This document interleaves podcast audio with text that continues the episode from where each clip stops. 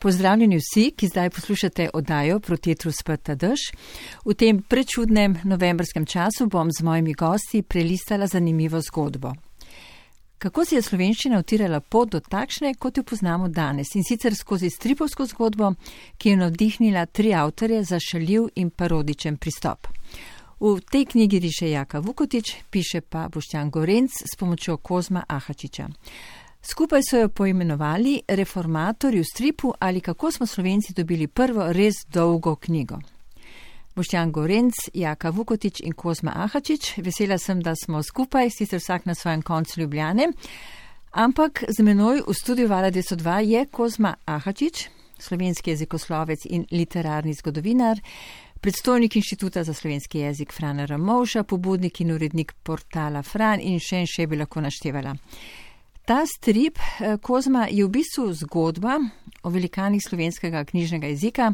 Vsebina stripa se naslanja eh, na resnične dogodke in oživlja resnične ljudi. Je pa, kot berem v knjigi, predvsem zgodba, ne pa zgolj zgodovinsko besedilo. Res je, strip je zgodovinsko v resnici neoporečen, tako z vidika same risbe, kakor z vidika zgodbe. Res pa je, da v tistih časih ne vemo tako zelo veliko, da bi lahko dobili iz podatkov tudi neko zgodbo vsakdanjika, kar pa seveda strip potrebuje. Mislim, da je avtor besedila tu naredil res dobro delo, dejansko bo lahko vsakdo dobil stvaren občutek, kako so stvari tedaj uh mhm. -huh. potekale.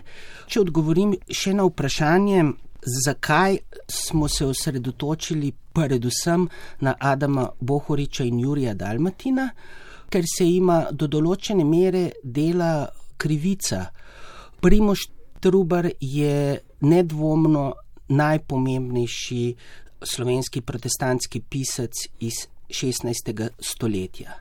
Vendar pa je Primoš Trubar postavil osnovo, na kateri pa sta šele Juri Dalmatin in Adam Bohorič resnično sezidali knjižni jezik, ki je bil pozneje podlaga in ki je plival tudi na slovenski knjižni jezik, kot ga poznamo sedaj. Skratka, v 16. stoletju nismo imeli samo enega knjižnega jezika. Juri Dalmatin in Adam Bohorič sta zaslužna za tistega, ki je obstal skozi nadaljna stoletja. Vi ste želeli tudi, ne, da bi pisec zgodbe Boštjan Gorenc in pa ilustrator Jaka Vukotič, da bi skupaj bolje opisala to neko atmosferičnost, ne, tisti duh tega časa, ki je bil zelo nenavaden, ne? takrat očenost ni bila v veljavi, no zlasti na slovenskem. Ne?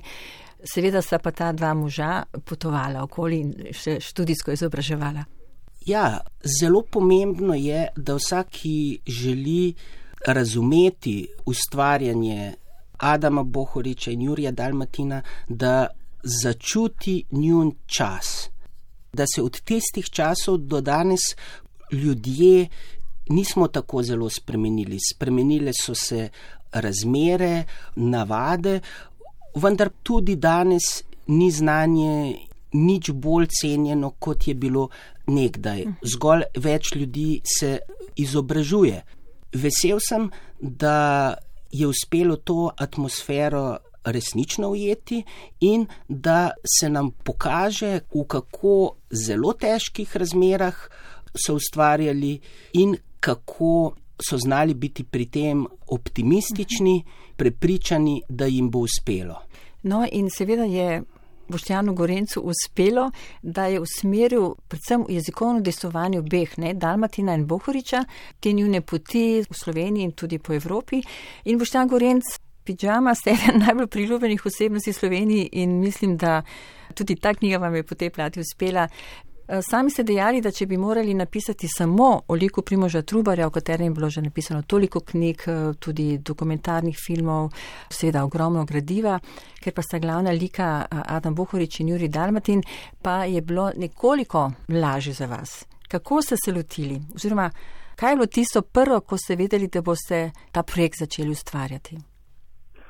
Ja, lepo pozdravljeni najprej. Mislim, da je, bi rekel, neka razlika med Primožem Trubarjem ter med ostalimi reformatorji, se pravi tukaj sploh med Dalmatinom in Bohoričem, da je Trubar zelo, zelo predelan, obdelan, razdelan. Ko sem se lotil tega dela, je bilo pravzaprav najprej sploh vprašanje, kaj o njima vem. Ne. Tukaj moram prav res vsakič povem, kakšna neizmerna pomoč je bil Kozma Ahačič tako meni, kot tudi Jakis, ker je mi znal točno povedati, v katere vire naj se lozi, kaj naj preberem, kje so tisti bistveni podatki in povdarki, ki jih potrebujem, da se podrobneje spoznam.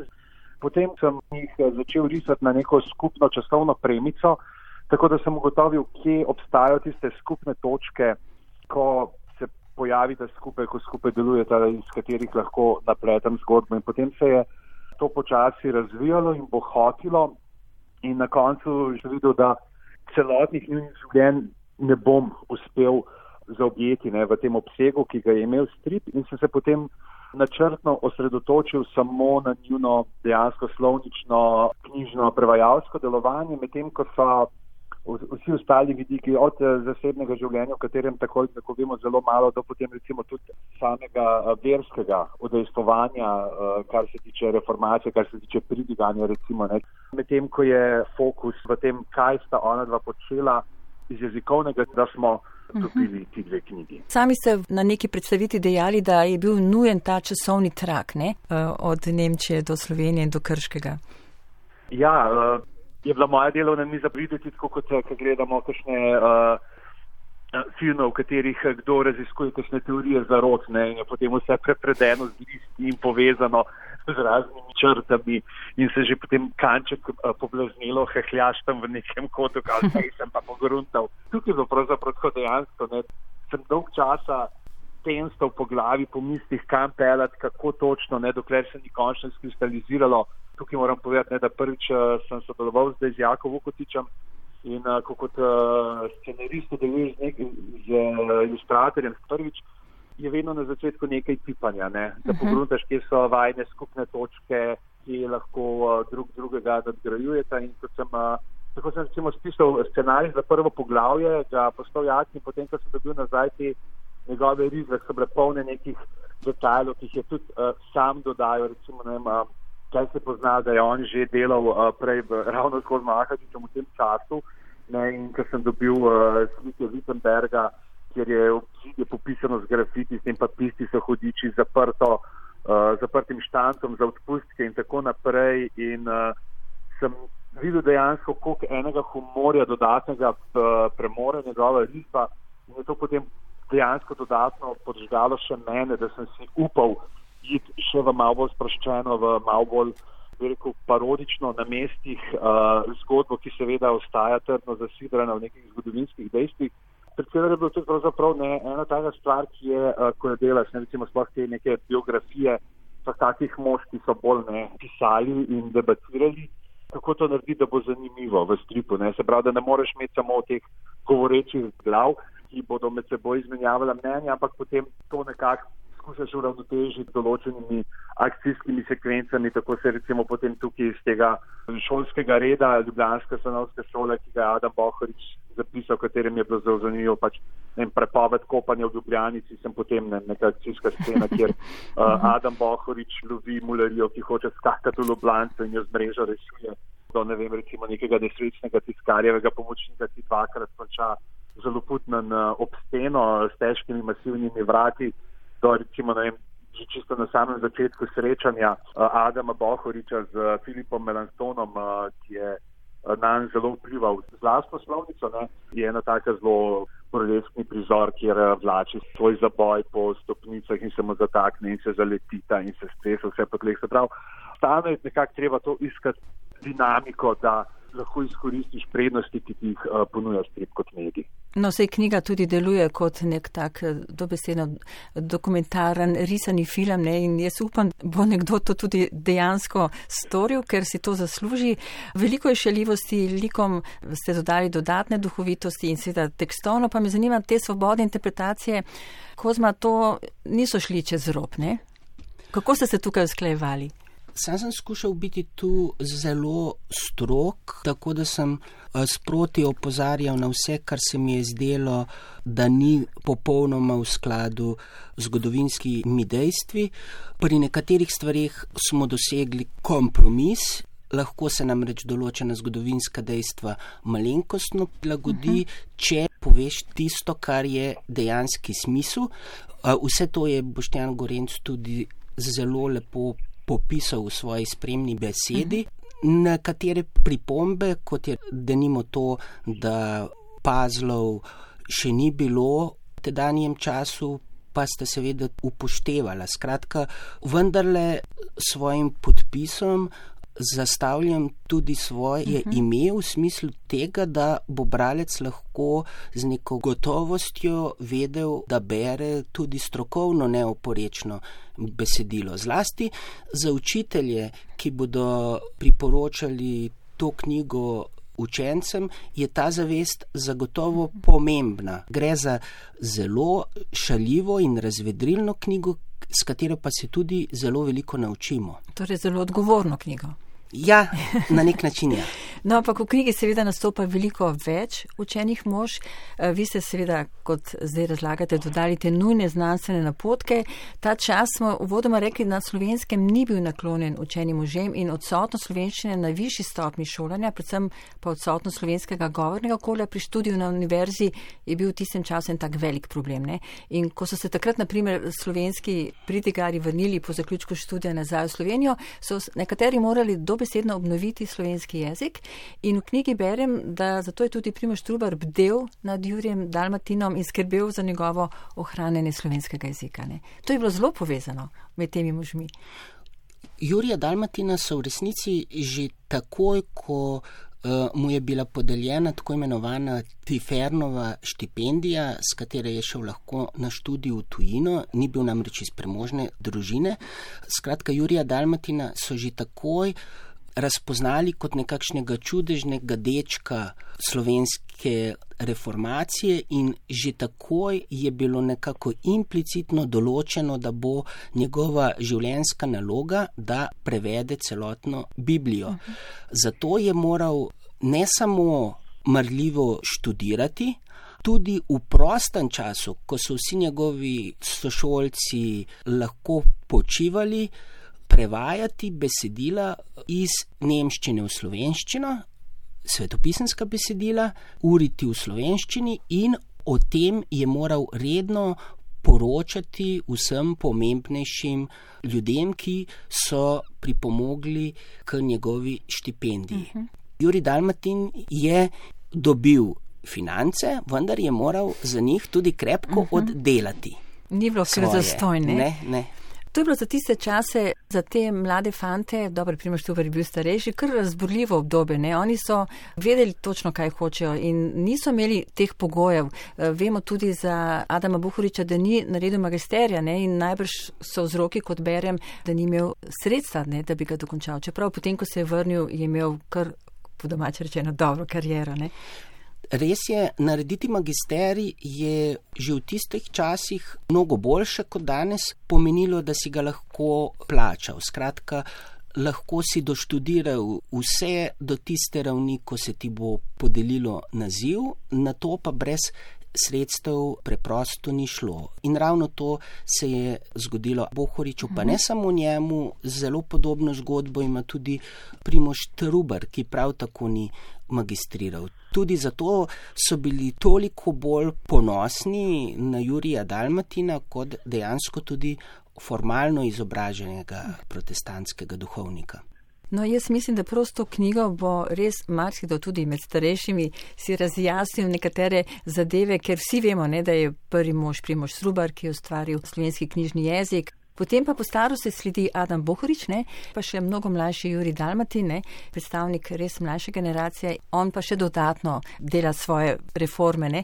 Če se vrnemo zdaj v sam strip, Boštjan, naprimer v stripu vidimo, kako je nastala Dalmatinova Biblija, kako je pri njej sodeloval Adam Bohorič, kako so te stvari zanimivo predstavljene. Ne. E, take točke, ki ste jih vi nekako posebej podarili, kako ste tukaj manevrirali? O, ja, v točke je bilo še polno. Recimo, ena takih stvari, za katerimi je žal, da je zmanjkalo prostora za nje, je ta, bi rekel, mogoče Dalmatinova gorečnost, s katero je določenimi katoliškimi duhovniki hodil pridigati na njihova ozemlja, ko se je znal postaviti za malega človeka. Ne, se je kar krepko sporekal z lastnim plemiškim patronom, ko je zagovarjal nekega preprostega kmeta, ki je storil uh, neko napako, nek zločin, za katerega pač sam ni doumel.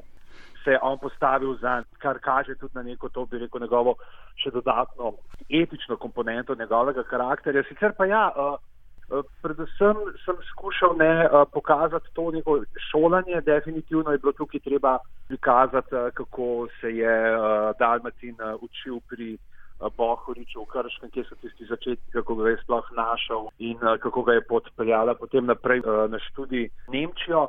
Uh, in pa seveda, kaj so temeljni kamni, ki so položeni pod izid celotnega prevoda Biblije. Kako ga je Trubar, kot ste že omenili, ne, da je za časa študija redno delal jezikovne vaje, prevajal slovenščino do vrnitve v Ljubljano, ustanovitve tiskarne. Ko mandelcev prepovajo tiskati v Ljubljani in potem na vrat na nos eh, iščejo novega tiskarja. In še ena stvar, za me nov podatek je ravno to ne prevažanje v sodih. Ponarodile šale, ne, da smo švercali te knjige v sodih, ne se tudi besede literatura, ne moreš napisati brez besede liter. In je potem ravno ko smo omenili, da je tudi on nedavno izvedel, da pač v sodih niso bili zaradi tega, ker bi jih tih otapili, se so jih ne naskrivaj, ampak zaradi tega, ker so bili sodi eh, najbolje še zagotovilo, da se knjige ne bodo premočile, ko jih prevažaš. Potem okoli tega napleteno ne, in seveda potem zaključek, kjer kažemo mogoče ne, kaj bi se lahko zgodilo, če bi se, ko pogledamo neko potencijalno alternativno zgodovino, v kateri pohori Dalmat in svobodno ustvarjata, potem povežemo vse skupine naprej na uh, sodobno slovenščino. In pa seveda Trubarjevo pismo Bohoriču, ko ga vabi, da ne pride za ravnatelja stanovske šole, mi ga je bilo žal rezati in sem prav če žrtvoval tretjino strani za to, da ga lahko preberejo pravci celega. Morda bi tu dodal, da smo se kar precej eh, ukvarjali samimi napisi, tu je bilo več variant kot odgovor na vprašanje, kako predstaviti tedanje nemške napise in pa tedanje slovenske napise. Nemške smo predstavili s tedanjo gotico v sodobni slovenščini, slovenski napisi pa so dejansko rekonstruirana slovenščina v pisavi iz tistega časa. Tukaj bi mogoče še jaz skočil, da dejansko smo potem tudi vse medmete, ki so spet ne, ena teh značilnosti uh, stripovske govorice, da smo jih ravno tako pisali v slovenščini tistega časa. Ne. Ko žvižgajo, ne, kar bi danes napisali žviž, je tukaj ne, če črkujemo SHU in SHG. Jaka Vukotič, navdušili ste nas z vašo likovno podobo in atmosfero tistega časa. Kako ste se znašli v njej? V bistvu na začetku je bila kar taka malo zahtevna naloga, potem sem se pa po globu veliko preštudiral enih stvari in mislim, da je kar stekel. Sem imel pa že nekim podlage odpreno, ker sem ene podobne stvari že delal na tak način. Ker vi ste že sodelovali z ilustracijami slovnice slovenskega jezika za založbo Rokus Kletne, ampak mhm. tudi uh -huh. kratkoslovnica in pa slovnica na kvadratne. Ja, v teh dveh slovnicah pa še enkrat prej so naredila pa tudi eno zelo kratko knjigico Jezični možje ki je bila ja, celo nagrajena. Mhm. Če se vrnemo zdaj v naše 16. stoletje, ne, mhm. sta z Boštjanom skupaj ustvarjala, je bil najprej tekst napisan, potem ste vi risali in potem sta stvari dopolnjevala. Več ali manj je bil iz njegove strani narejen ti scenarij, tudi zelo dost natančno določeni kadri, uh -huh. sem si pa jaz pol dovolil tudi kaj svobode. No, ta svoboda je predvsem seveda obarvana s humorjem in parodijo, čeprav ja. zahteva hkrati neko odgovornost do teh velikanov, do gospoda Kozmahačiča, ki je sodeloval z vami. Ta humor me zanima, kako ste se ujela glede teksta, pa te dialogi, pa zelo veliko detajlov je, ki označujejo eh, neko obdobje, neko dobo, nek eh, čas. Boštjan je več ali manj ta tekst že zelo dobro pripravil. Jaz sem ponovadi tako začel, da si najprej nekako skadriram, potem tekmo postavim, pa sem pa videl, kaj bi lahko tam bilo. Ne. zelo kakšne take zabavne so polarate. Recimo, čisto na začetku temu Wittenbergu, ko Bohorič še kot mlad pride tja študirati, sem pol pač tako razmišljal, aha, ok, pride v to neko mesto kot mlad in kaj takrat bilo, pač je bilo že tok, ne vem, tok pa tok časa pol lutru, pa sem se spomnil to, da bi lahko bili kakšni grafiti, kot je pol tam ostal, pa pisti so hudiči, pa eni drugi, ki odgovarjajo na to. Isto sem pomislil, ne, recimo na odpustke, pred lutrom so jih še prodali, pol po njem je pa pol zato ta stojenca zaprta z odpustki. Tako nekako je šlo, no, v bistvu je en tak dialog med nama. Same podobe Dalmatina in Bohoriča, kako ste se jih eh, predstavljali, oziroma ohranjeno je tudi veliko ris, pa vendar ste se morali nekaj izmisliti, ne? Ja, seveda, ker portretov iz tistega časa ok, zdaj kakšnih teh pomembnih seveda so, ampak drugačih pa ni toliko velik. Pomagal sem si s kakšnimi plastikami, ki so valjda bile pol kasneje narejene. Nekdo mi je po mojem omenil, da pač Dalmatin je bil zelo en tak lep, pa mlad, pa tako. Bohoriča sem hotel malo stroga, malo tazga v redu učitla pokazati. Resnega. Ja, resnega. Na tak način je pol staratala te dva glavna protagonista. Ste bili tudi presenečeni, kaj je nastalo? Ja, recimo, mogoče sem na koncu presenečen, ker najprej je bilo zastavljeno, da bo čist črno-bel strip, pa kje pa sem kaj barvnega, pa pa to nisem vedel, kako skupaj spraviti. Tako da pa na koncu sem se odločil, da je kar vse nekako tako zelo uh, parih odtenkih pobarvano. Ja, mogoče, ne vem, če bi bilo malo več prostora, da bi lahko več njihovih takih osebnih zgodb še notor pisali, bi bilo verjetno lahko boljšno. Ampak da ga sem pa zelo zadovoljen no, tem, kako je uspel. Všeč mi je bila tudi vaša predstava te urbanosti, takratne ljubljane in pa seveda krško, ne? Ja, kar se tega tiče, to je bilo izhodišče več ali manj v naših krajih pač Valvazor, sem si pa pol dovolil tudi dosti svobodeno. Te njihove poti, to se mi je zelo tudi zelo domiselno. Aha, na koncu, ja, ja ta zemljevid, kako, kako so v bistvu v sodih potovali te knjige Ja, od to, ja. Wittenberga do Ljubljane. Ne vem, tak priblisk sem imela, ko sem listala po tej knjižici in jo brala, kar kliče po nekem animiranem filmu. Ne? Se mi zdi, da bi te figure, to vzdušje, ta atmosferičnost bi lahko kar uživela v eni animaciji. To pa nisem še pomislil. Mogoče je bilo res dobro, da je. Ja. Kje je bila največja težava? Recimo taka, kar se tiče scenografije, ki ste glih preomenili Ljubljano. Uh -huh. Ljubljana 1572, takrat, ko Bohorič lovi te mulce na mostu. Tukaj sem se nekaj časa ukvarjal, da bi nekako dobil to eh, predstavo, kako je takrat zgledal, ker danes je pač tam tromostov, je pač čist drugač, tukaj je bil pa nek lesen most, tudi uh, vrata, ki so vodile pol naprej do stare Ljubljane. Mogoče je tukaj bila ena taka zagata. Ja, ampak dobro ste rešili. Hvala. Še eno vprašanje, Kozma, me zanima. Trubar s prvo pisano knjigo v slovenščini, Dalmatin s prevodom celotne Biblije v slovenščino, Adam Bohorič, eh, proste zimske urice v latinsko-krajinski slovnici. Je kakšna metafora za te tri, kako bi jih eh, predstavili, kaj so v bistvu tri možje, tako metaforično, kaj oni predstavljajo? Dejansko predstavljajo začetek slovenskega jezika v najbolj plastični podobi, kaj to začetek nekega knjižnega jezika je. Knjižni jezik se namreč ne rodi tako, da ga nekdo na hitro postavi in potem obstaja, ampak je vsak knjižni jezik stvar razvoja. V spremni besedi sem uporabil metaforo, da je bil Primoš Trubar kot nekakšen buldožer, ki je speljal cesto, Juri Dalmatin je na to položil asfalt, Adam Bohorič pa je ta asfalt in vse robnike in vse malenkosti sprojektiral. Mogoče se tako še najlažje z neko sliko prikaže vloga vsakega od njih. In ta ves, ne, kako je to potekalo. Kozma, eh, ali imate še nove pobude iz zgodovine jezikoslovja ali kako drugače za nadaljevanje slovenskega knjižnega jezika ali pa še kaj drugega? Zagotovo je naloga vsakega raziskovalca, da skuša spoznanja tudi popularizirati in zgodovina razmišljanja o slovenskem jeziku je zanimiva, je vzburljiva, je podobna detektivskemu romanu. Upam, da bo takšnih projektov še veliko. Kos Mahačič, Boštjan Gorenc in Jaka Vukotič, hvala za ta pogovor in vso srečo s tripovsko knjigo Reformatorji. Nasvidenje.